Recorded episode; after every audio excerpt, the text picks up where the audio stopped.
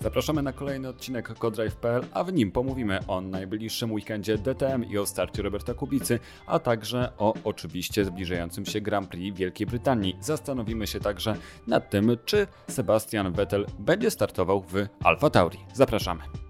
Kodrive.pl po raz trzeci się z Wami wszystkimi witamy. Ja się Kolejniczak, Aldona Marciniak oraz Cezary Gutowski. Dzień dobry, dzień dobry wszystkim. Oczywiście po tematach związanych z Formułą 1 podróżować będziemy, ale zaczniemy od tego, co jeszcze będzie się działo w ten weekend, czyli od Roberta Kubicy i od DTM-u. Myślę, że już możemy sobie potwierdzić i głośno to powiedzieć, że DTM na pewno wystartuje w ten weekend. Robert Kubica wystartuje w swoim pierwszym wyścigu i Jakie mamy oczekiwania przed tym e, weekendem względem e, Roberta? Bo sam Robert bardzo ostrożnie podchodzi do tematu. Myślę, że jak zawsze przy wszystkich okazjach, kiedy pojawia się na torze i mówi, że o, tu są nowe okoliczności, jest podobnie jak przy WRC, bo musi się przyzwyczaić do nowego, nowego miejsca i w zasadzie z tych wypowiedzi Roberta nie mamy nic więcej poza tym, że będzie ostrożny i będzie chciał się pokazać od jak najlepszej strony. Zacznijmy od tego, że mam nadzieję, że dobrze trafiłeś z tym, że na pewno ten weekend się odbędzie. My z Cezarym już jesteśmy w blokach startowych, ponieważ y, mamy, mamy tam wejście, w związku z tym, y, jeżeli faktycznie do tego wszystkiego dojdzie, to będziemy tam wśród mediów, ale patrzyliśmy z małym niepokojem na to, co się działo na samym początku y, tygodnia w Belgii, ponieważ zaostrzone jeszcze zostały różne procedury. My na przykład, jeżeli będziemy chcieli coś zjeść poza torem, to będziemy musieli zostawić swoje dane osobowe. Cezary, nie wiem, czy o tym wiesz, także przygotuj swój roz rozmiar nerki i parę innych rzeczy, ponieważ dość szczegółowo będziemy o to wypytywani. Dostaliśmy też e, szczegółowy game plan, e, co musimy e, nosić, jakiego rodzaju maseczki na torze, jakiego rodzaju maseczki w Media Center, bo to nie są te same maseczki. Moi drodzy, jakie są procedury rozmów z kierowcami całego, całej obsługi medialnej tego, tego, tego wydarzenia. No a co do Roberta Kubicy, no to tak, oczywiście mówisz o tym, że, że Robert tutaj robi dużo zastrzeżeń, że to jest kompletnie nowe środowisko, kompletnie e, inna dla niego wyścigowa rzeczywistość i naprawdę musimy mu w to wierzyć. To, to nie jest tak, że jeżeli przychodzimy z najwyższej kategorii sportu motorowego, gdziekolwiek niżej, to od razu rozstawiamy wszystkich po kątach. Nie, to DTM to jest bardzo specjalistyczna seria, o tym mówiliśmy. Sam format weekendu to jest coś, co e, naprawdę e, jest nowością dla Roberta i, i od razu widać, jakie to są wyzwania. Ja patrzę na ten, e, na ten timetable, przed chwilą patrzył na niego Cezary. Cezary, e, co tam wypatrzyłeś? Ile było minut między jednym a drugim? No, trzeba sesją? zacząć od tego, że to będzie e, weekend skompresowany, czyli zamiast trzech dni, czyli normalnie w piątek przygotowania, treningi i potem mamy sobotę i niedzielę na kwalifikacje i wyścigi. Pamiętajmy, dwa wyścigi weekend będą, tak tutaj wszystko będzie skompresowane w dwa dni, czyli w sobotę i w niedzielę. Znaczy, co prawda w piątek będzie konferencja prasowa i potem jeszcze y, circuit walk, czyli ten spacer po torze dla kierowców i inżynierów, y, ale sama jazda zacznie się w sobotę i o 9 pierwszy, jedyny trening, 45 minut jazdy. Trening się kończy o 9.45 i już o godzinie 10.55, czyli godzinę 10 minut później, kierowca siedzi w samochodzie i musi wyjechać na tor na kwalifikacje. Te kwalifikacje trwają 20 minut na domiar złego, yy, czyli w zasadzie no, praktycznie zero czasu na to, żeby cokolwiek tam zaimprowizować. Trzeba e, wyjechać od razu wiedząc, co chcesz zrobić, kiedy zrobić, na jakim okrążeniu, z jak e, przygotowanymi oponami. Musisz mieć po prostu doświadczenie, musisz wiedzieć dokładnie, co zrobić, żeby wyciągnąć maksimum z tego samochodu, więc moim zdaniem to jest misja niemożliwe, żeby w tych kwalifikacjach coś dobrego wyjeździć. Chyba, że będzie padało, no to wówczas bardziej losowe i to jest generalnie jakaś tam nadzieja na nadspodziewanie dobre e, wyniki Roberta. Tak więc no to już jest koszmar na dzień dobry. Trening 45 minut, godzinę później i 10 minut masz wyjazd na kwalifikacje, ale na tym nie koniec, dlatego dlatego że kwalifikacje kończą się o 11.15 e, i o 12.50 kierowca już e, wyjeżdża na tor, czyli w zasadzie półtorej godziny później wyjeżdża na tor, żeby co prawda wyścig startuje o 13.33, e, ale już no, to jest ten moment, kiedy tak trzeba wyjechać. Jest ten chwila na zapoznanie z torem, ustawienie samochodów na polach przestartowych, więc mamy po prostu taki po prostu strzał, strzał, strzał. Od razu, no Robert mówił, że został wrzucony na głęboką wodę, zostanie. No to moim zdaniem nie dość, że na głęboką, to jeszcze na wrzącą wodę. To po prostu jest taki, no naprawdę, bo to jest po prostu takie szokujące. Mi się przypomina jak e, no, była ta misja w Verva Racing Team, tak, projekt, w którym też brałem czynny udział, miałem, miałem ten zaszczyt, czyli nasz polski zespół wyścigowy w wyścigach Porsche Super Cup, które jeżdżą przy Formule 1. I tam też no, nasze chłopaki, to, to był wtedy Robert Lukas i Kuba Giermasiak, byli rzucani na głęboką wodę na tej zasadzie, że mieli w piątek trening, jeśli dobrze pamiętam, właśnie 45 minut, czy coś takiego i potem sobota pół godziny kwalifikacji, czy jakoś tak? Przepraszam, już nie pamiętam za, za dobrze czasów, ale znowu, to z grubsza to nie będziemy się kłócić o minuty, chodzi o sam format. Jeden trening, jedne kwalifikacje, jeden wyścig. E, no to tutaj Robert dostanie coś takiego, tylko jeszcze jakby w takiej znacznie większej kompresji, więc mm, czego się spodziewać? spodziewać się dużo, dużo nauki. E, ja myślę, że największym wyzwaniem to będą te kwestie właśnie przygotowania do kwalifikacji i same kwalifikacje, bo to jest ten moment, kiedy wychodzi największe doświadczenie, to jest ten moment, kiedy masz bardzo, bardzo mało czasu na to, żeby przywalić to takie optymalne okrążenie. Bum, jedziesz i po prostu wszystko ci się składa. Patrzysz potem w telemetrię i jest ci przyjemnie, także patrzysz, dobra, złożyłem to, tryk, tryk, tryk, wszystko siedzi. E, no to jest misja niemożliwe. E, myślę za to, że w trybie wyścigowym e, będzie lepiej znacznie, ten Racecraft Robert będzie miał. Mm, wyścigi w ogóle się odbywają w taki dziwny sposób, że ruszają o 13.33, czyli łatwo zapamiętać, a kończą się o 14.28 plus jedno okrążenie, więc nie do końca wiadomo tak naprawdę, ile będzie okrążeń w wyścigu. Mogą być neutralizacje i tak dalej. Natomiast jest jedna rzecz w ogóle, przepraszam, że jeszcze ten, że przeciągnę moją, e, mój czas antenowy, e, ale no jest jeden element, który być może troszeczkę Robertowi pomoże. Będę go się starał to podpytać. E, w 2016 roku Robert jechał wyścig na SPA w samochodzie, który y, jest zbliżony do, w pewnym sensie do DTM-u, bo jest to także prototyp jeżdżący z dachem. I to było to Renault RS01. To był taki występ po prostu no, na zaproszenie w zespole VIP-owskim e, e, Renault i Robert w tym wyścigu stanął na podium w pierwszym, jeśli dobrze pamiętam, w pierwszym wyścigu to był dwa. E, tak więc e, no, nie było tak źle. Natomiast potem, jak już szło ściganie, bo Robert tam gdzieś się trzymał w czołówce, miał też e, zmiennika, no to potem jak walczył z tymi kierowcami, którzy tam jeździli regularnie w tym, w tym pucharze, no to mimo tego, że był, byłem kierowcą Formuły 1, który wracał krok po kroku do ścigania, no to no, walcząc w czołówce nie miał szans za bardzo z kierowcami czołówki. I tym bardziej będzie to widoczne w DTM-ie, w którym ta stawka jest no, na o wiele wyższym poziomie niż w pucharze Renault. To a propos tej stawki i a propos doświadczenia, tak e, porzucam paroma e, cyferkami, e, z czym Robert będzie miał do czynienia konkretnie, z jakimi rywalami będzie miał do czynienia. Proszę bardzo, Jamie Green, 193 występy w DTM-ie, Timo Glock, 112, Marco Whitman, 112, Mike Rockefeller, 173 i tak dalej, i tak dalej. Um, debiutować w takim gronie naprawdę nie będzie łatwo. I to są też kierowcy oczywiście renomowani. E, no, Timo Glock był kierowca Formuły 1, też był rywal Roberta Storów e, wyścigowych, na przykład z Formuły 3 Euro Series, jeśli dobrze pamiętam, jeździł z Timo. Jamie Green to zdobył mistrzostwo Formuły 3 w 2004 roku to był sezon, w którym Robert startował też w Formule 3. To jest dość interesujące, dlatego że e, no to też pokazuje dużo, jak działa motorsport. Jamie Green nigdy się nawet nie otarł o, o Formułę 1. Od razu poszedł do e, kategorii DTM, podczas gdy w tym samym sezonie w Formule 3 startowali Robert, startował Nico Rosberg i Lewis Hamilton. Trzej kierowcy, którzy potem weszli do Formuły 1. E, a Jamie Green nawet nie był rozważany, żeby pójść w tym kierunku, mimo tego zdobył mistrzostwo w bardzo ważnej, w zasadzie w najwyższej juniorskiej kategorii, jeśli chodzi na tamte czasy o Formułę 3. To było Euro Series, najwyższa kategoria. E, to, to tak anegdotycznie pokazuje, że e, w tych różnych kategoriach to wcale nie jest tak, że te potem super talenty, Lewis Hamilton zaraz siedmiokrotny mistrz świata, bez cienia wątpliwości, Nico Rosberg mistrz świata Formuły 1, że to nie jest wcale powiedziane, że jeżdżąc w innych kategoriach e, talenty na miarę Formuły 1 będą od razu wszystkich rozstawiać po kątach. To tak nie działa.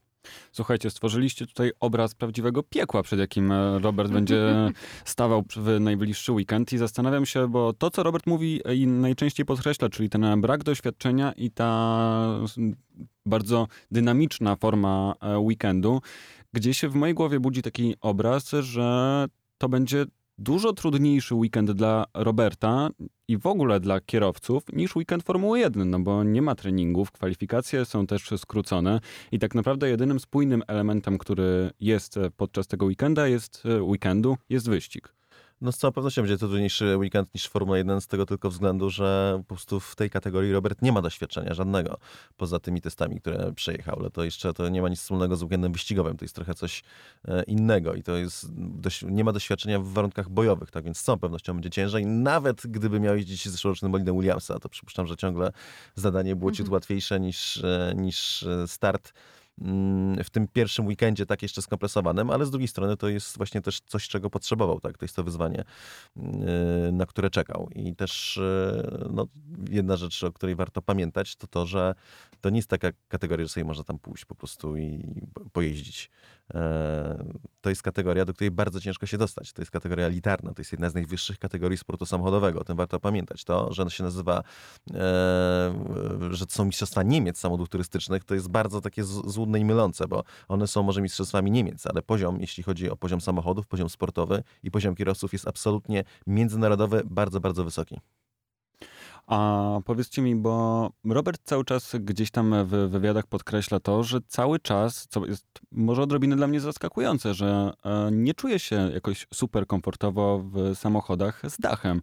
Wiadomo, że to jest e, cała historia jego jest związana z single-seaterami i to jest e, wręcz oczywiste, że dużo bardziej komfortowo czuje się w bolidach czy nawet w, w go-kartach, ale jednak przesiedział trochę w samochodach z dachem, przejeździł sezony w WRC 2, w WRC normalnym i teraz jak pojawia się na torze, z którym e, no jednak już jest w bardziej swoim świecie, tak, to jest świat wyścigowy, porusza się po torach, które doskonale zna, testował te samochody, jeździł w samochodach z dachem przeróżnych, to nadal mówi, że gdzieś tam jednak ten dach budzi jakiś dyskomfort i też fakt, że nie siedzi po środku, tylko bliżej lewej czy prawej strony.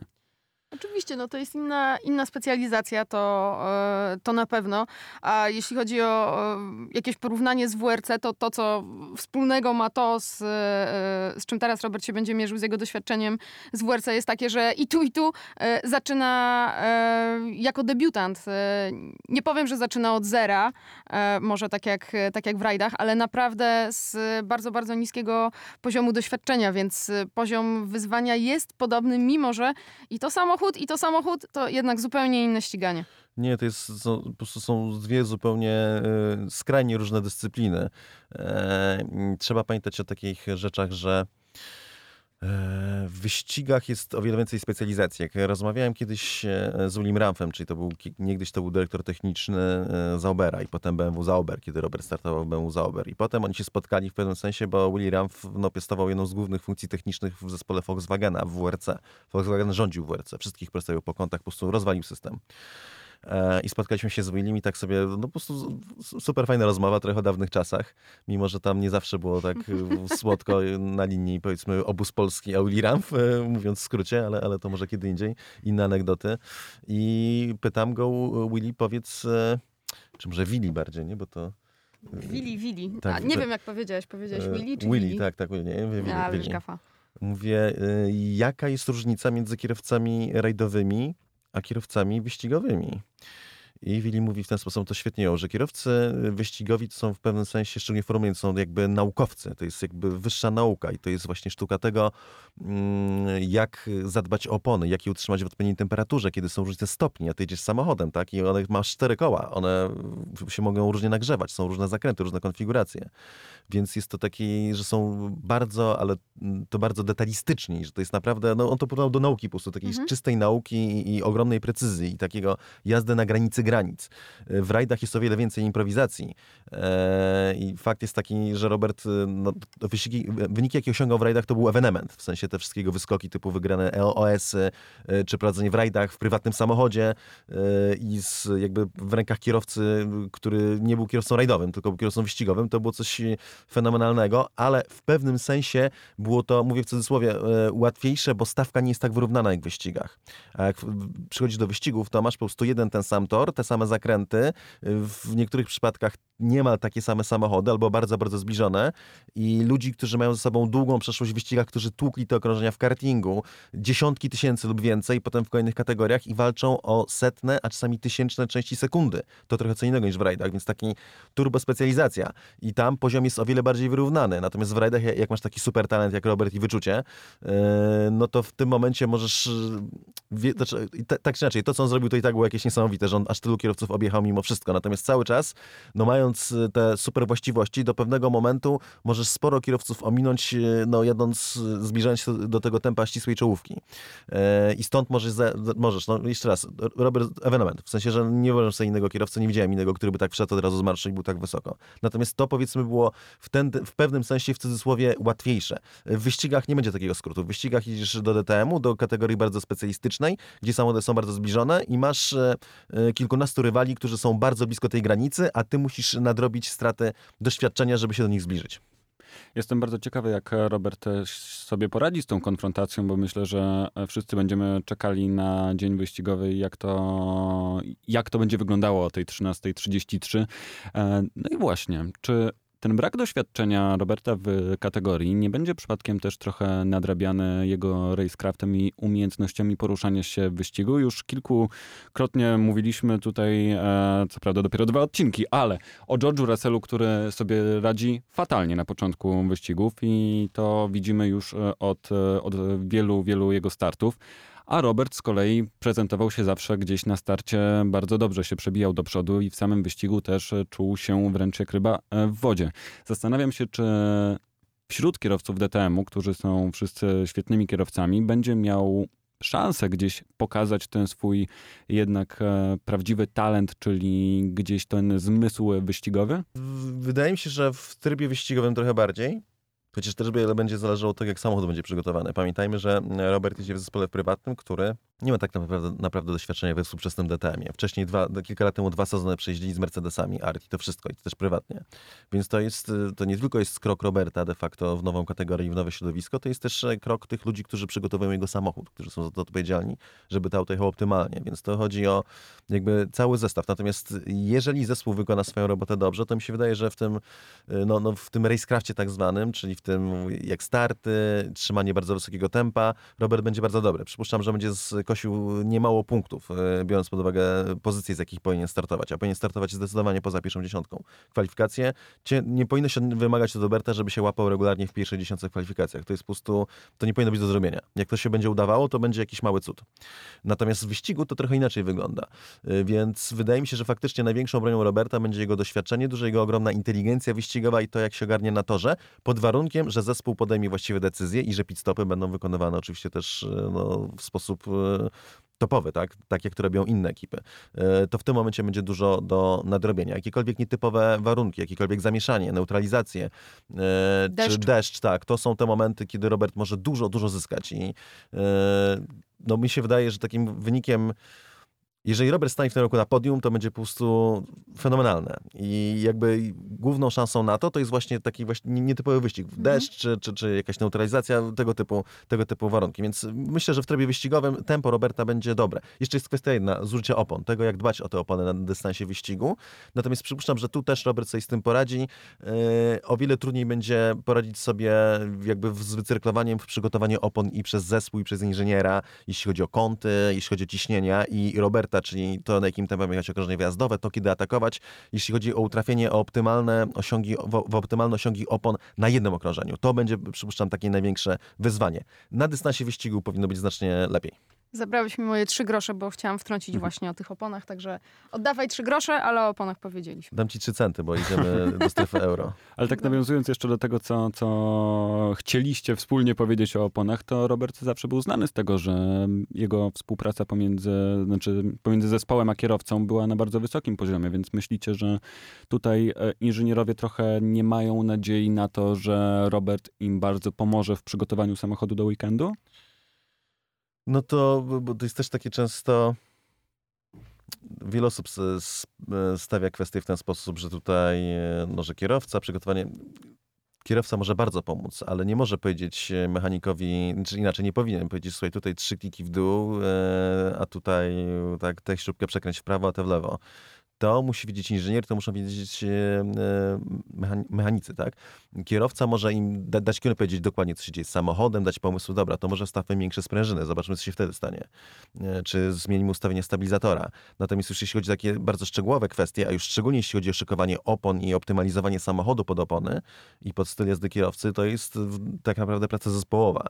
I ona wymaga doświadczenia, i od kierowcy, i od inżyniera. Ja rozmawiałem o tym z Robertem nieraz i mówiłem, no, no, też tak powiedziałem, no, że ostatecznie tak ogarniasz dobrze temat, więc nie wiem, może jak będziesz miał bardzo dobrego inżyniera, e, no to ci to znacznie łatwiej takie nauczenie się tego szybko. Robert mówi, ale to ja będę jechał tym samochodem ostatecznie, więc co mi inżynier pomoże? Jeżeli to ja muszę decydować, to ja muszę wiedzieć, to ja muszę czuć. E, to jest, nie ma skrótów, tak? Na tym polega piękna życia, że czasu nie da się oszukać. Można coś zrobić szybko, przyspieszyć i się wstrzelić, ale ostatecznie prawdziwą wartość i prawdziwą siłę i doświadczenie buduje czas. No i też y, pamiętajmy o tym, że to nie jest tak, że Robert wchodzi do ekipy fabrycznej, która ma już tutaj wszystkie ścieżki przetarte, doświadczenia z ostatnich lat y, zebrane, tylko i Robert, i zespół w pewnym momencie będą, w pewnym sensie będą się uczyć tego wszystkiego, e, tej współpracy. Także no, jest tutaj dużo niewiadomych po prostu. I tego wszystkiego ten cały weekend będziecie mogli słuchacze obserwować na socialach Cezarego i Aldony, bo na pewno będziecie masowo, ale będziecie mieli ciężki weekend tak naprawdę. Dwa, dwa, dwa weekendy do obrobienia w jeden, to, to będzie się na pewno działo, ale o wszystkim na pewno będziecie e, poinformowani na socialach Cezarego i Aldony, więc wróćmy do tego drugiego weekendu, który się e, zbliża. Grand Prix Wielkiej Brytanii. Zanim o tym, co myślimy, o tym, co się wydarzy podczas tego weekendu, to pomówmy jeszcze o nowych torach, które są już potwierdzone w kalendarzu. Wiemy, że na kolejne obiekty, na kolejnych obiektach kierowcy się pojawią. Wśród Wśród nich e, Nürburgring, Imola, e, Portimao i o ile Nürburgring nie jest dla mnie jakimś e, wielkim, powiedzmy, jakąś super decyzją pod tym względem, że nie cieszę się jakoś super z tego toru. Nie dlatego, że go nie lubię, ale dlatego, że bardziej mnie fascynują tory, na których kierowcy się dawno nie ścigali. Takie jak Imola czy Portimao, na którym nigdy nie jeździli.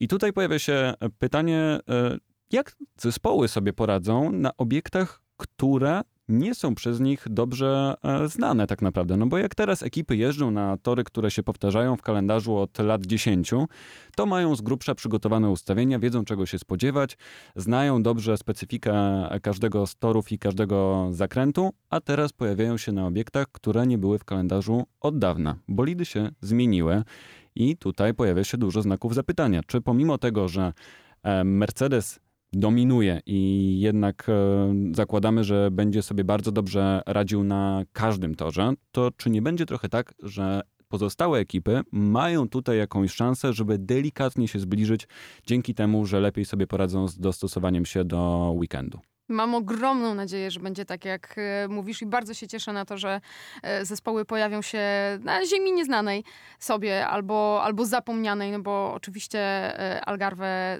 zadebiutuje nam w, w Formule 1 i Mola była, ale już dawno temu, ostatnio gdzieś tam nam kierowcy jeździli już naprawdę dawno temu. No i teraz to, to, to jest kompletnie inna sytuacja niż, nie wiem, chociażby Katalunia w Hiszpanii, gdzie mogliby przyjechać z zamkniętymi oczami i tak naprawdę to już nie jest frajda i ten tor już jest dla nich nudny i wszystko świetnie o nim wiedzą, nie kryje absolutnie żadnej, żadnej niespodzianki. Tutaj na tych, na tych obiektach nowych, to samo też przecież dotyczy Mugello, które wcześniej, no, ta praca zespołu od początku, ta jakość pracy zespołu od początku weekendu, dostosowanie ustawień będzie miało jeszcze, jeszcze większe znaczenie, także jest to szansa na pewno dla tych, którzy mm, jako team pracują lepiej. Jest to szansa dla e, może Ferrari, miejmy nadzieję. E, Cezary na mnie patrzy tutaj, tak. Jeszcze brakowało, żebyś brew podniósł. Nie, bo powiedziałaś, że jako team, który pracuje lepiej, wymienisz Ferrari. A... no, wiesz, no Nadzieja, tak ja wiem, nadzieja, że nadzieja, nadzieja ostatnia. Nadzieja to to. Natomiast też jeszcze jedna ważna rzecz pewnie dla osób, które nas słuchają a propos tych nowych potwierdzonych torów.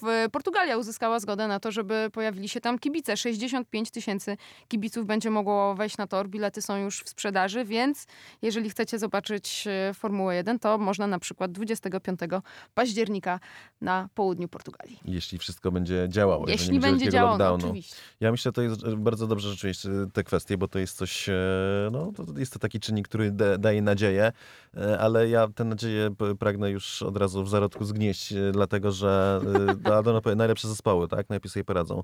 Najlepszym zespołem Formuły 1 jest Mercedes. Najlepszy samochód Formuły 1 ma Mercedes. Więc nie ma żadnego powodu, żeby Mercedes na nowym torze nie zrobił najlepszej roboty ze wszystkich. Może tam, nie wiem, jakiś jeden czynnik nietrafiony, faktycznie ten element improwizacji, ale mimo wszystko mi się wydaje, że, że oni poradzą sobie najlepiej i yy, wydaje mi się, że bardziej w środku stawki, pod koniec stawki będzie ten czynnik taki zmienny, że tam może, może się to rozbijać. Ale ostatecznie mówimy o profesjonalnych zespołach w większości, bo, bo wszystkich takim nie, nie nazwę, już nie będę uderzał dokładnie w, w nazwy. E, profesjonalnych kierowcach, profesjonalnej kategorii, więc mi się wydaje, że to może być jakaś tam niewielka zmienna, ale to nie będzie miało jakiegoś takiego przemożnego wpływu na przebieg weekendu trochę bardziej na kierowców być może, że e, faktycznie e, no, z całą pewnością będą kierowcy, którzy bardzo szybko e, ten, się do tego, do tych warunków, do, do, tego toru zaadaptują i to Lewis Hamilton to jest jakby na szczycie tej listy tych kierowców, Max Verstappen jest na szczycie listy tych kierowców, a niektórym zajmie to trochę więcej czasu. Jednakowoż w Formule 1 nie tak jak w DTM-ie, jest dużo treningu, będzie dużo, dużo czasu na przygotowania. I Mola, Zobaczymy, jaki będzie e, format weekendu na Imoli, dlatego że mm. Imola to będzie dwudniowy weekend. Więc i to, to, o, to jest to miejsce, w którym e, ta prawidłowość, o której mówisz, się, może się sprawdzić najbardziej, bo będzie, jeżeli będzie wszystko skompresowane, no to będzie o wiele mniej czasu na przygotowania. I to może być ten moment, kiedy, nie wiem, Mercedes będzie miał złe bazowe przy ustawienia i trzeba będzie czegoś poszukać i będzie tylko jedna noc na to. E, no i też wielu kierowców będzie miało jeszcze mniej czasu, żeby się do tego toru zaadaptować, więc wydaje mi się, że Imola to będzie to miejsce, które oddzieli gorsze zespoły od lepszych i, i jeśli chodzi o kierowców, chłopców e, od mężczyzn. I mola, i mola, i mola. Co prawda na Imole bym, ja osobiście z kolei chyba jakoś, jakoś super nie liczę pod względem ustawień, bo jednak jest dosyć podobnym torem do Monzy pod względem specyfiki nie, nie, nie, jako takiej, ale długie odcinki prostych, jednak e, ta tak, aerodynamika... Ale, mm, nie, nie, Imola jest, to nie jest tor tak bardzo zbliżony do Monzy. Monza jest jedyna w swoim rodzaju i, ją po prostu trzeba dzielić od wszystkich innych torów na świecie, łącznie nawet z Meksykiem, gdzie mamy przecież e, tak długą prostą i, jest tak wysoko. E, no Monza to są w zasadzie bardzo długie, proste. E, dwie szykany wolniejsze, tak, szykana numer jeden i potem druga, po drodze bardzo szybki łuk, ale to w zasadzie jechane na pełnym gazie traktowane jako, e, jako prosta. I potem e, mamy co, dwa lesmo, szybsze i, znaczy wolniejsze i szybsze lesmo, czyli dwa takie łuki powiedzmy średni i szybki. I potem mamy Ascari, czyli bardzo szybka szykana, bardzo szybka sekwencja zakrętów, która podchodzi trochę pod, pod sekwencję łuków, trochę. No i Tamburello, znowu bardzo szybki łuk, mhm. więc to jest tor, w którym jest prędkość, prędkość, prędkość i niski docisk, prędkość w sensie maksymalna. A na Imoli jednak masz sporo takich y, zakrętów wolniejszych i wolniejszych sekcji. Chociaż usunęli ostatnią szykanę. Y, trochę to jakby pozbawia charakteru toru, mi się wydaje. Y, ale to jest ten element, który może ją zbliżyć trochę do, do Monzy, ale tutaj Monzę bym wydzielił poza wszystkie inne tory w ogóle wyścigowe, jakie, jakie znamy. No ale to było takie e, wtrącenie. Przejdźmy jeszcze na chwilę do kierowców, o których e, wspomniałeś. Ja jakąś taką mini teorię sobie e, wysnułem w głowie, że Kierowcy, którzy są już od dawna w Formule 1, czytaj Lewis Hamilton, Kimi Raikkonen e, czy Sebastian Vettel, czy ci kierowcy nie będą mieli trochę bardziej pod górkę na takich torach jak właśnie chociażby Imola, czy, czy Portimao, nawet czy Mugello, ponieważ to Ci młodzi kierowcy przecież dopiero co się ścigali na tych torach. Oni wyszli z serii juniorskich. Max Verstappen i inni przecież niedawno jeszcze nawet w kartingu na Portimao się pojawiali. Wiadomo, że nie na tej samej nitce, ale ten tor znają lepiej, bo gdzieś tam się cały czas kręcili wokół tych torów, które są w kalendarzach serii juniorskich, ale nie ma ich w serii serii Formuły 1. Zastanawiam się, czy juniorzy na tych nowych torach nie będą mieli okazji do wykazania się względem tych starych, starszych kierowców, nie, nie nazywajmy ich starych, bo przy Luisie mam wrażenie, że pojawiła się taka metka zarówno przy Luisie, jak i Maxie, że się błyskawicznie przyzwyczajają do, do nowych obiektów, a, albo raczej do warunków panujących na obiekcie. Z tym, że na tych nowych obiektach się przecież w Formule 1 nie pojawiają. Oni się przystosowują do nowych warunków, ale jednak to nie są nowe obiekty i składanie całego okrążenia na czymś zupełnie nowym. Yy, no ja myślę jednak, że jeżeli już to przewaga będą mieli kierowcy starsi, bardziej doświadczeni, dlatego że e, różnica prędkości i osiągów między samochodami serii juniorskich a Formułą 1 i w ogóle całym systemem pracy Formuły 1 jest tak ogromna, to jest tak duży skok, chociażby jeśli chodzi o liczbę mechaników, których masz naokoło, liczbę zmiennych do uwzględnienia, liczbę e, danych, które masz do analizy i rzeczy, które możesz zrobić w samochodzie, że to działa zdecydowanie na korzyść doświadczenia mm, kierowcy w Formule 1 niż e, doświadczenia kierowcy młodego na danym torze. Plus, no, umówmy się, że na tym poziomie Formuły 1 ci, ci najlepsi, te, ta elita, no to jednak są zawodnicy, którzy nie potrzebują dużo czasu, żeby e, tor poznać. E, no, super wybitni potrzebują kilka kółek, czy typu znowu Lewis Hamilton, czy, czy Hamilton, czy Max Verstappen. E, ci bardzo dobrze potrzebują, nie wiem, 30 kółek taki czynnik, który może trochę znowu oddzielać jeszcze raz chłopców od mężczyzn, to jest to, czy dane tory mają wyasfaltowane pobocze, czy mają żwiry, czy bandy są blisko, czy daleko.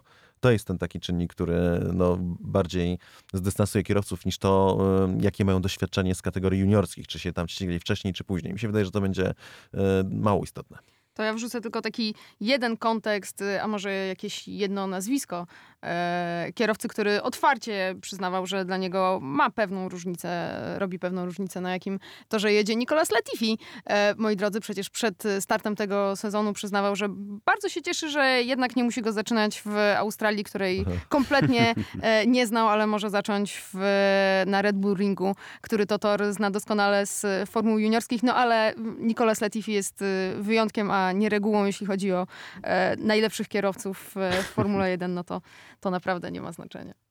To przejdźmy do jednego z najlepszych kierowców obecnie w stawce, przynajmniej pod e, względem tytułów mistrzowskich na koncie Sebastian Vettel. Widzicie go w Alfa Tauri? Pojawiły się takie głosy, które mówiłyby o tym, że mógłby się tam pojawić. Nie, słuchajcie, znaczy oczywiście Sebastian Vettel się zrobił teraz e, sprawą międzynarodową i hmm. tak naprawdę e, każdego by już e, można było zapytać, co sądzi o, o Sebastianie Vettelu. Już widziałam wypowiedzi i Nika Heidfelda, i Ediego Jordana, e, i jego byłych e, kolegów z zespołu. I, I, każdy ma tutaj jakieś trzy grosze do e, wtrącenia na temat przyszłości Vettela, co na pewno Vettelowi też nie pomaga. On nie lubi takiego zamieszania wokół siebie, tego E, tych, tych, tych różnych e, artykułów, plotek e, pracy dziennikarzy, która idzie w tym kierunku.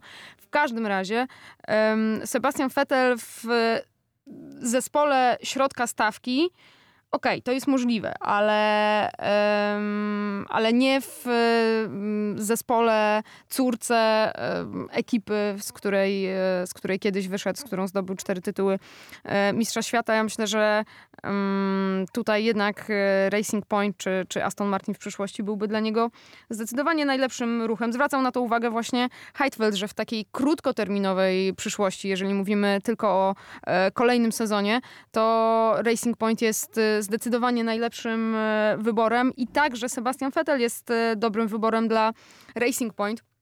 Mówi tutaj Heidfeld o tym i ja w sumie się z nim zgadzam, że um, Racing Point y, potrzebuje um, kierowcy, który wie, jak pracuje mistrzowski zespół. E, Sebastian Vettel był w Red Bullu, był w Ferrari. Okej, okay, tam tytułu nie zdobył, ale wie, jak wygląda ta kultura pracy na najwyższym poziomie. A to jest coś, czego Racing Point musi się jeszcze nauczyć. To jest coś, czego nie da im Lance Stroll, rzecz jasna, i to jest coś, czego nie da im Sergio Perez. Mimo, że Sergio Perez jest e, kierowcą bardzo dobrym, trochę niedocenianym, mimo, że wnosi budżet, mimo, że ta dynamika w zespole jest bardzo dobra, oni się świetnie dogadują, nie ma tam żadnych napięć, no to jednak e, Sergio Perez też um, nie jest w stanie wprowadzić zespołu na wyższy poziom, jeśli chodzi o organizację pracy. A to jest coś, co może im dać Sebastian Vettel, więc ja tutaj mimo wszystko Vettela bym do Alfa Tauri nie przymierzała. Nie sądzę, myślę, że prędzej odszedłby z Formuły 1 niż poszedł do Alfa Tauri, ale to nie znaczy, że zespół dotychczasowego środka stawki, bo w sumie nie wiem, czy Racing Point cały czas możemy określać zespołem środka stawki, nie byłby dla niego dobrym adresem, tylko to musi być właściwy zespół. No jest to jakiś też element po prostu zwyczajnego honoru. E, powrót Sebastiana Vettela do Red Bulla, nawet na drugi fotel de facto obok Maxa Verstappena, bo nie wierzę, że Seb sprostał Verstappenowi. Okej. Okay ale Alfa Tauri, zespół juniorski, to po prostu było takie, no mówiąc w skrócie... Pokażające. Nie eleganckie, nie, nie przystoliłoby, żeby, no to po prostu źle wyglądało. E, bardzo na zewnątrz i nawet wydaje mi się, że samemu Red Bullowi byłoby trochę głupio. Franz Tost popiera to, co, co, co mówi Aldona, czyli że nie widzi, żeby Sebastian Vettel gdzieś pojawił się w zespole środka stawki, że prędzej zrezygnuje z Formuły 1 niż miałby gdzieś zejść poniżej e, topki, ale z kolei Ralf Schumacher stoi w opozycji do, do was, mógłbym tak powiedzieć, e, i mówi, że o ile okaże się, że procedura, którą e, przeprowadziło Racing Point z kopiowaniem bolidu i z fotografowaniem tak dokładnym e, każdego elementu okazałaby się legalna, to nie widzi powodu, dla którego e, Vettel nie miałby się pojawić w Alfa Tauri i nie miałby pomóc przeprowadzić tego samego.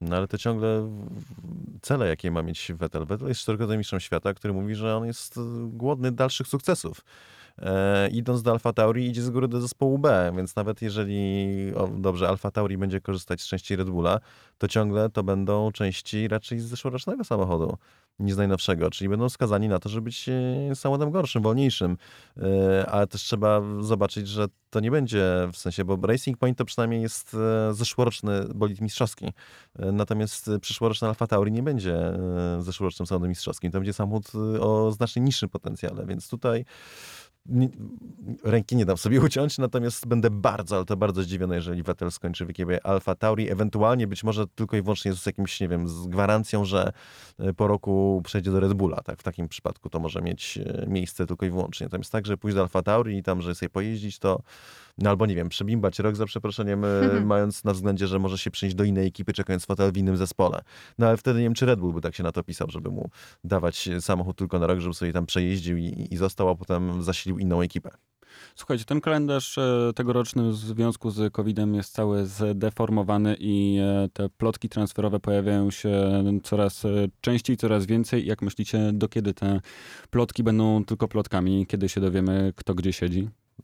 Ciężko jest przewidzieć, jak się potoczy rynek transferowy, ale no, różne zespoły mają różne daty. Mówi się, że ponoć Racing Point ma deadline do końca lipca E, żeby podziękować Perezowi oczywiście za wypłatą odszkodowania, rekompensaty jakieś tam. Natomiast e, potem, jak tej opcji nie podejmie, no to wówczas ten fotel będzie zablokowany dla Pereza i że to Vettel musi tak naprawdę się zdecydować, czy będzie chciał do końca tego lipca zostać w Racing Point, czy że w ogóle pojechać w tym Racing Point. Możemy się domyślać, że nie dostanie do Lorenza Strolla propozycji kontraktu słuchaj na rok i się zastanowimy, tylko minimum dwa lata sztywne będzie musiał podpisać, będzie się musiał zaangażować angażować e, w starty w Aston Martinie. Natomiast e, no, Vettel może mieć nadzieję na przykład, że jednak e, gdzieś koło września, gdzie decyzję powinien podejmować Red Bull, no to już będzie wiadomo, że Aleksander man, man przykro nam, ale, ale nie, że nie będzie miał miejsca w Red Bullu i wtedy to Red Bull może chcieć mieć Sebastiana na podorędziu i może mieć go właśnie, chcieć mieć go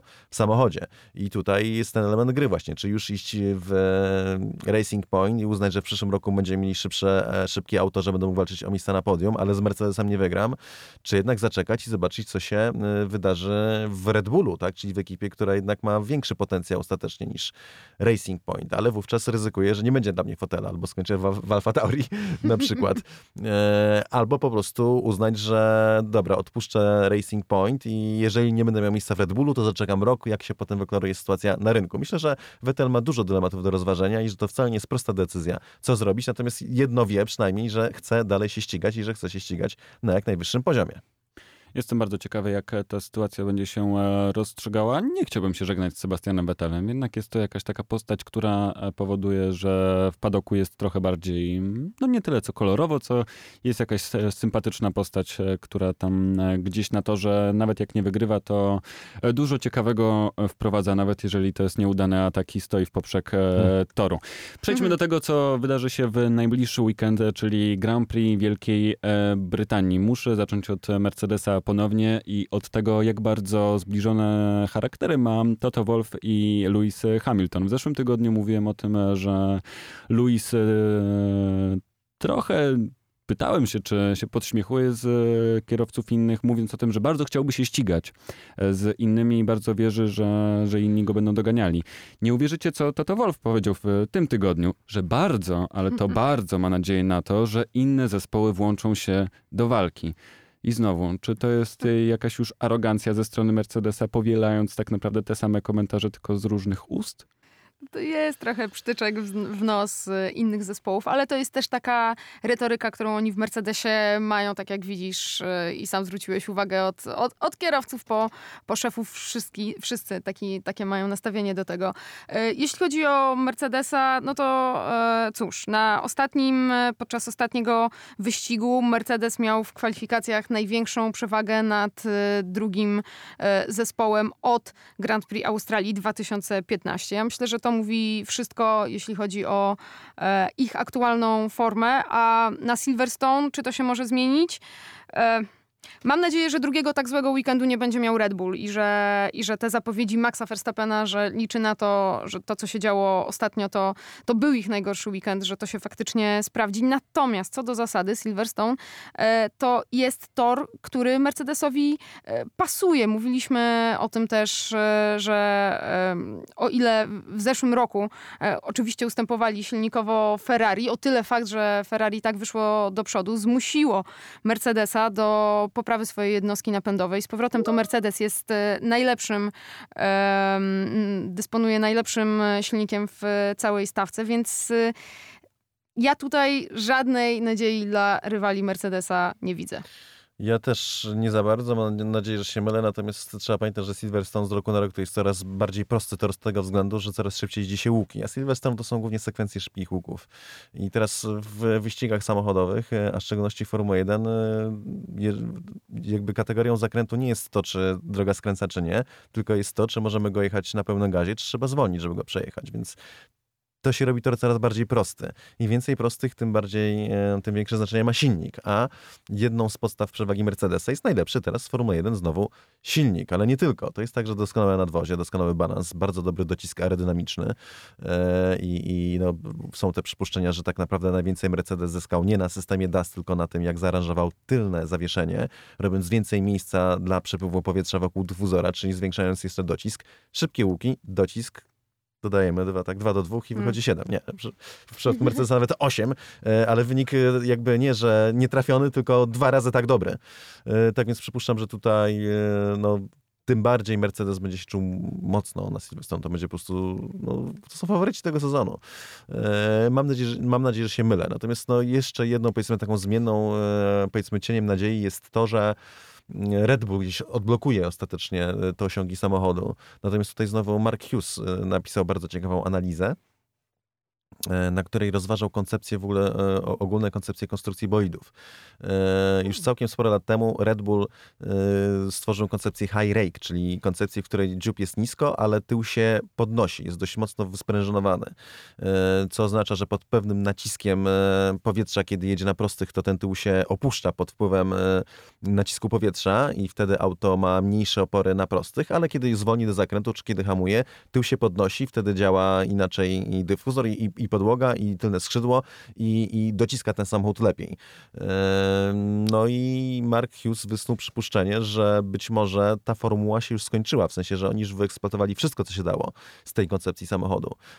Dodając jeszcze to, bo tam jest cytowana rozmowa ze specjalistą od aerodynamiki, że uproszczono przednie skrzydła. W Formule 1 te końcówki, takie endplates, co się nazywa, czyli końcówki takie zewnętrzne skrzydeł, one bardzo regulują e, opływ powietrza wokół przednich opon, a przednie opony to jest, jest jeden z takich najtrudniejszych elementów do opanowania, bo po prostu stawiają duże opory, nie dość, to jeszcze robią duże turbulencje. I to, czy są skręcone, czy nie skręcone, to jak pracuje guma, to ma bardzo, dużą, bardzo duży wpływ na opływ powietrza wokół samochodu. W momencie, kiedy uproszczono te końcówki, no to w tym momencie masz mniejsze pole manewru, żeby tym, żeby tym powietrzem jakoś tak zagospodarować, żeby, żeby ten docisk był stabilny. E, I podobnie też pod nosem takie kanały, które prowadzą po, prostu powietrze, one też zostały uproszczone. Weszły restrykcje. I to w połączeniu właśnie z tym wyczerpaniem formuły może oznaczać, że te samochody, które mają high rake, y, podniesiony tył, y, szybsze za bardzo się już nie zrobią. No i w tym momencie, mówiąc y, no, kolokwialnie przerąbane, ma większej stawki, dlatego że większej stawki zerżnęła ten koncept od Red Bulla. Jak się zobaczy zdjęcia nowego Ferrari z profilu, to ten samochód, nie wiem, prawie się na dach przewraca. Mhm. W ma tak wysoko podniesiony tył, ale Ferrari ma w ogóle wszelkiego rodzaju problemy. Natomiast Mercedes konsekwentnie od lat forsuje koncepcję nie Red Bulla, tylko swoją własną. Jest bardziej płasko ustawione, bardziej równo do ziemi i to jest koncepcja, która ciągle ma potencjał rozwojowy i działa póki co najlepiej. Co więcej, Racing Point, kopiując zeszłorocznego Mercedesa, odszedł od tej koncepcji high rake e, Red Bulla i dostosował swój samochód do koncepcji Mercedesa, więc to jest potencjalnie kolejny team, który będzie jeszcze bardzo mocny, jeżeli ta formuła właściwie się wyczerpała. Wiem, że się rozgadałem, ale jeszcze jedna rzecz mi taka się przypomniała, mm -hmm. że chcę poznać wasze opinie w ogóle na, na, ten temat, bo prezydent Ferrari John Elkan powiedział Ach. dość otwarcie, że Ferrari nie będzie wygrywało do 2022 roku. Mhm.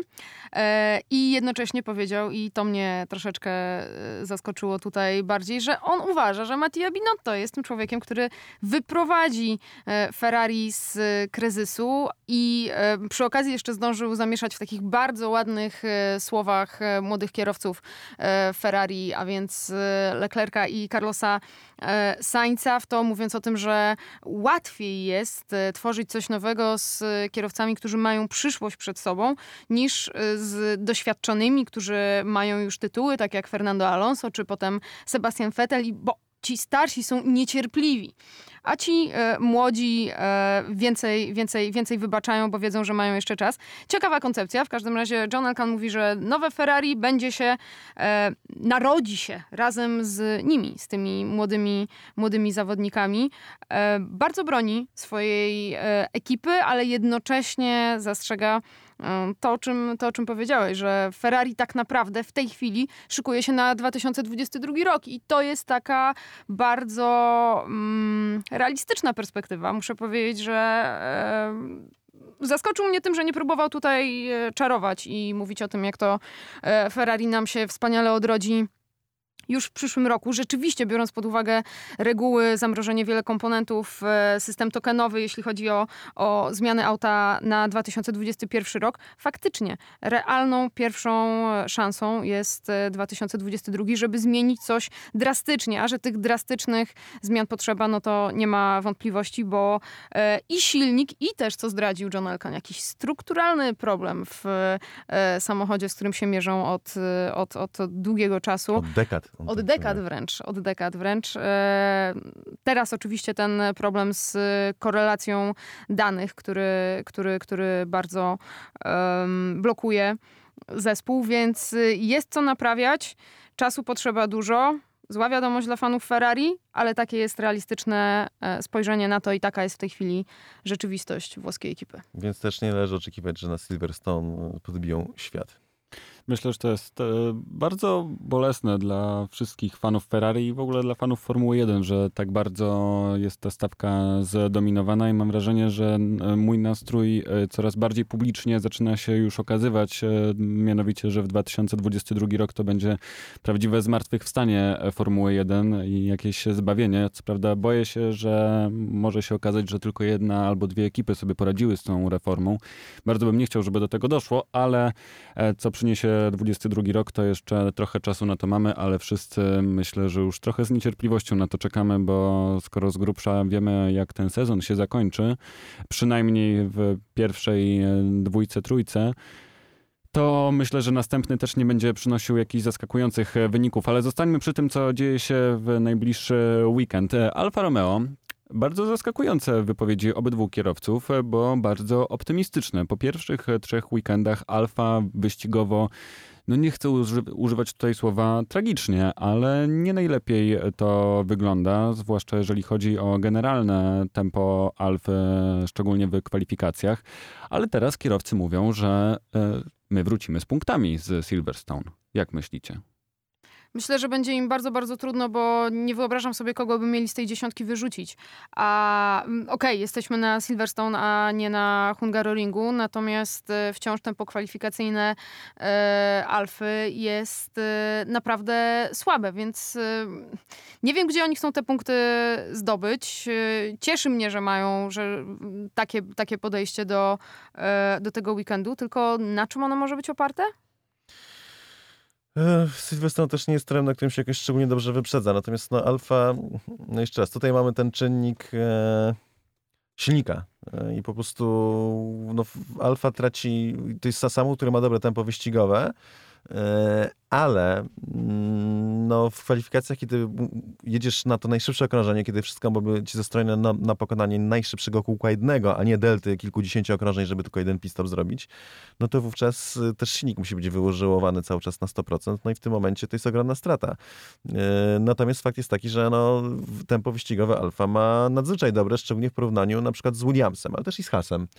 E, no ale to trochę na tym się kończy I, i, no, oni są w takiej dziwnej sytuacji, że z jednej strony są skazani na to, żeby startować z tyłu, z drugiej mają mocne tempo wyścigowe, ale jak startujesz z tyłu, no to już na dzień dobry tracisz. Jak nic się nie wydarzy nadzwyczajnego, e, no to no, nic nie wyczarujesz. Jakieś tam się możesz trochę przesunąć po pit stopach, nie wiem, ewentualnie kogoś wyprzedzić, co na Silverstone wcale nie jest proste, ale na dłuższą metę twa, ta pozycja startowa determinuje potem przebieg całego weekendu, więc no ja mam nadzieję, że faktycznie jakiś tam punkt czy dwa się uda urwać, ale tak jak mówi Aldana, w normalnych okolicznościach nie widzę za bardzo, żeby na Silverstone, jeśli będą się kwalifikować tak, jak to robią dotychczas, a ostatnio zdali dwa ostatnie pola startowe, żeby na Silverstone nagle się tak przedarli i walczyli obaj kierowcy o punkty. To raczej będzie kwestia bardziej szczęścia i błędów innych niż samej czystej prędkości Alfa Romeo, nawet jeśli mają tempo wyścigowe na punkty, bo punkt startowy determinuje wszystko. Słuchajcie, w ogóle to jest taki e, ciekawy moment, no bo mieliśmy pierwszą przerwę, a więc pierwszą szansę na to, żeby trochę popracować nad e, bolidami, żeby spróbować e, wyciągnąć te najmocniejsze strony i jakoś poprawić słabości. No a teraz przed nami kolejne trzy wyścigi, z tego dwa na tym samym torze tydzień w tydzień, więc tego czasu na kolejne poprawki jest bardzo mało, także pod pewnymi względami te najbliższe trzy wyścigi mogą się okazać takim decydującym punktem sezonu, szczególnie dla ekip e, środka stawki, gdzie jest naprawdę bardzo ciasno i, i małe są różnice, dużo jest e, zmian z weekendu na weekend e, w tym układzie. No a Trochę jest tak, że to z czym teraz przyjadą na Silverstone pokaże, czy idą w dobrym kierunku na resztę sezonu. Jestem bardzo ciekawy, skąd ten e, optymizm wynika, zwłaszcza z ust takiego kierowcy, jakim jest Kimi Raikkonen. Jeżeli on coś takiego mówi, to mamy jakieś takie poczucie, że powinno za tym iść coś e, prawdziwego, bo gdyby Antonio to mówił, to o, tak z hmm. przymrużeniem oka, mhm. jeszcze rozumiem, że powinien tak powiedzieć, ale że Kimi uważa, że wróci z Silverstone z punktami. Ciekawy jestem, co tam za zamkniętymi drzwiami się wydarzyło, że takie myśli Kimi ma i przekłada na usta. Williams. Russell bardzo ostro zaczyna wypowiadać się na temat e, tego, co dzieje się w Williamsie. Otwarcie mówi, że kwalifikacyjne tempo, ok, bardzo się cieszy, że walczy o Q2, że wchodzi na nawet 12-13 miejsce i że to jest super, ale tempo wyścigowe tragiczne i mówi o tym bardzo otwarcie. Co jest bardzo ciekawe w kontekście tego, że Claire bardzo gloryfikuje Russella i porównuje go do naprawdę najlepszych kierowców na świecie. I zastanawiam się, skąd ta różnica zdań się pojawiła w Williamsie i czy to nie jest jakiś taki jeden z pierwszych momentów, w którym Russell otwarcie mówi, że w Williamsie jest źle. Wiesz, z Russellem to jest tak, że um, on teraz tak naprawdę go to e, zaczęło bardziej boleć, ponieważ e, w zeszłym roku było jasne, jesteśmy na końcu, co by się nie działo, jesteśmy na końcu. Teraz on dopiero po raz pierwszy poczuł, że jest w stanie z kimś e, walczyć, że to nie jest tak, że to są e, że tylko te dwa miejsca. To tempo kwalifikacyjne e, dało mu nadzieję, no poczuł krew. A tutaj nagle przychodzi do, co do niedzieli i, i, i kończy się wszystko tak samo, więc to jest taki pierwszy moment, w którym w nim się może pojawiać realna frustracja wynikająca z tego, że on widzi gdzieś tę szansę. Tę szansę, która wcześniej była absolutnie iluzoryczna i opierała się tylko na takich PR-owych komentarzach i deklaracjach. Teraz faktycznie w soboty się pojawiła. E, tylko co z tego, skoro w niedzielę kończymy z takim samym e, tempem e, jak do tej pory? No George jest taki chimeryczny w pewnym sensie, ale też w przykład idzie z góry, tak? Szefowa też jest raczej ten, taka zmienna i e, no George z jednej strony wie, że robi dobrą robotę w kwalifikacjach bardzo, faktycznie jeździ fenomenalnie, z drugiej strony w wyścigach nie ma za bardzo szans i on, on lubi podkreślać właśnie to, że to jest nie, nie, tak z Williamsem. On mówi, że mają problem z balansem aerodynamicznym, jak z jakimś jadą, że ten, ta, ta zmiana balansu ona jest bardzo dotkliwa i że Williams jest na to bardzo uczulony, jest bardzo wrażliwy na to, co faktycznie też są samochody, które to znoszą lepiej i inne znoszą gorzej. Natomiast fakt jest taki, że dotychczas w swojej karierze George no, nie błyszczał nigdy w wyścigach, nie oszukujmy się. Tam no, udało mu się, no szczerze, udało mu się zgubić punkt, który powinien być jego, e, a wyjeździł go Robert po jego własnym błędzie. E, I to, co najbardziej pamiętamy ze startów George'a, e, to to, ile razy tracił pozycję na starcie, ile razy tak, ilekroć pojechał świetne kwalifikacje, to spadał. Często też za Roberta, który no nie, raczej nie miał z nim szans, mówiąc szczerze. I to niekoniecznie mówię o tempie jako kierowcy, tylko tego, jak był obsługiwany. Więc e, no dobrze jest mówić, jak to idzie mi super w kwalifikacjach i mówić, jak to samochód źle się sprawuje w wyścigu, kiedy od początku kariery Formuły 1 w większości wyścigów e, jakoś mi nie idzie, tak? Jakoś tam się zdarza, że że się gubię w tym tłumie. Jakoś tak się zdarza, że średnio mi się startuje. Ostatni start znowu był przez George'a zepsuty. Wcześniej jechał wysoko w stawce. Pamiętasz, popełnił banalny błąd i wypadł z tory z wysoko po świetnych kwalifikacjach w Styrii. Tak więc no, trzeba wiedzieć, jak mówić, jak rzeczy przedstawiać, tym bardziej, że no, świat mało kto patrzy na to, co się dzieje z tyłu i nie będzie wyrzucał, no my, my patrzyliśmy na to, co się działo z tyłu, bo Robert jeździł z tyłu, a teraz nam zostało, bo to ciągle Williams. I to ciągle George, którego ja na przykład bardzo lubię i szanuję, natomiast no też mnie to zastanawia, kiedy ten chłopak pokaże pełnię potencjał nie tylko w prędkości kwalifikacyjnej, ale jeśli chodzi o to, jak się ustawia na torze. I tego po prostu nie ma, ale powiedzieć zawsze można. No a propos tego, co mówi, no to już przed y, Silverstone zapowiada, że to będzie back to reality, jeśli chodzi o Williamsa, a konkretnie powrót do ich rzeczywistości, czyli na sam koniec nie spodziewa się, żeby było tak y, dobrze jak w Budapeszcie. No ale oczywiście da z siebie wszystko. Mam wrażenie, że po wyjściu z bolidu zarówno w piątek, sobotę, jak i niedzielę dostrzeżemy wielką e, zmianę w wypowiedziach e, George'a. E, zobaczymy, czy będzie trochę bardziej optymistyczny, pomimo tego, na, niezależnie od tego, na której pozycji dojedzie, czy będzie gdzieś tam dalej te gorzkie żale wylewał. Zbliżając się w takim razie powoli do końca, nie pytam się o to, kto pojawi się na pierwszych dwóch miejscach, bo prognoza jest znana już od początku tego nagrania, ale jestem ciekawy, jak e, widzicie dyspozycję Racing Point i Red Bulla. Czy tutaj będzie jakaś walka pomiędzy różowymi a bykami, czy jednak to będzie proste rozstrzygnięcie? Hmm, sama jestem ciekawa, naprawdę. E, myślę, że podium Racing Point jest e, tylko kwestią czasu i tutaj na Silverstone te karty powinny się ułożyć w końcu dla nich. E, no ale jest jeszcze kwestia kierowców, a Max Verstappen jest w stanie zawsze wyciągnąć e, z kapelusza coś naprawdę wyjątkowego i to jest ten czynnik, który sprawi, że e, ja się na Racing Point jeszcze tutaj boję postawić. No, mi się wydaje, że Racing Point ma jedną główną słabość i są kierowcy. Znaczy nic nie mówiąc Ilansowi Strolbi, które, którego ostatnio pod niebiosa wychwalał od Schaffnauer, że mówił o tym, jak robi duże postępy, jak się dużo uczy i tak dalej. I to do, jak takiego uczniaka jakby przyszedł jeździł pierwszy sezon Formuły 1 w wieku lat 15 to, to w czwartym sezonie jest wychwalany po prostu, jaki to jest super się uczy i tak dalej, no ale okej.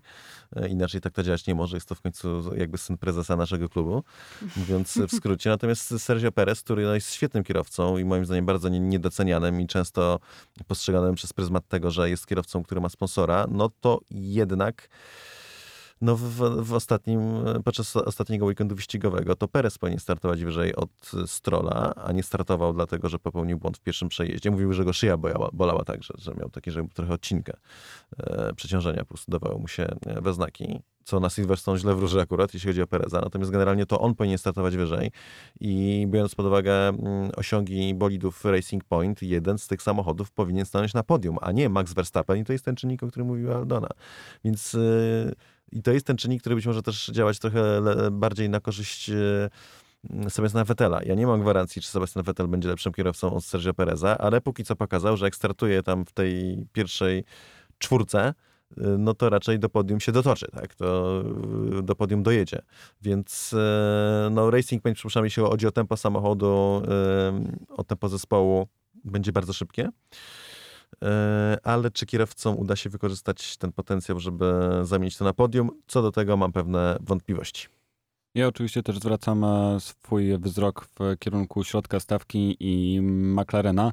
I przede wszystkim Lando Norrisa, któremu cały czas będę powtarzał, że mocno kibicuję, a, mhm. ale wydaje mi się smutny przed tym weekendem, bo mówi, że nie czuje zupełnie, że jedzie na domowy wyścig, e, bo puste trybuny sprawiają, że tak naprawdę nieważne na którym torze jeżdżą, że tak naprawdę domowy wyścig sprawia tylko to, że kibice są tam na miejscu, że to, że będzie spał we własnym łóżku, to nie jest dla niego żadny, żaden przywilej, że wolałby, żeby pełne trybuny były i dopingowały wszystkim trzem brytyjskim e, kierowcom. No, jestem ciekawy, czy to ma jakiś duży wpływ faktycznie na to, że te trybuny są puste. Tak kończąc już e, dzisiejszy odcinek, myślicie, że faktycznie jakiś duży impact to ma na kierowców i całe to środowisko wewnątrz padoku, że jest po prostu pusto i że słychać tylko, tylko faktycznie dźwięk silnika i praca w garażach, a boku jest niemalże cisza?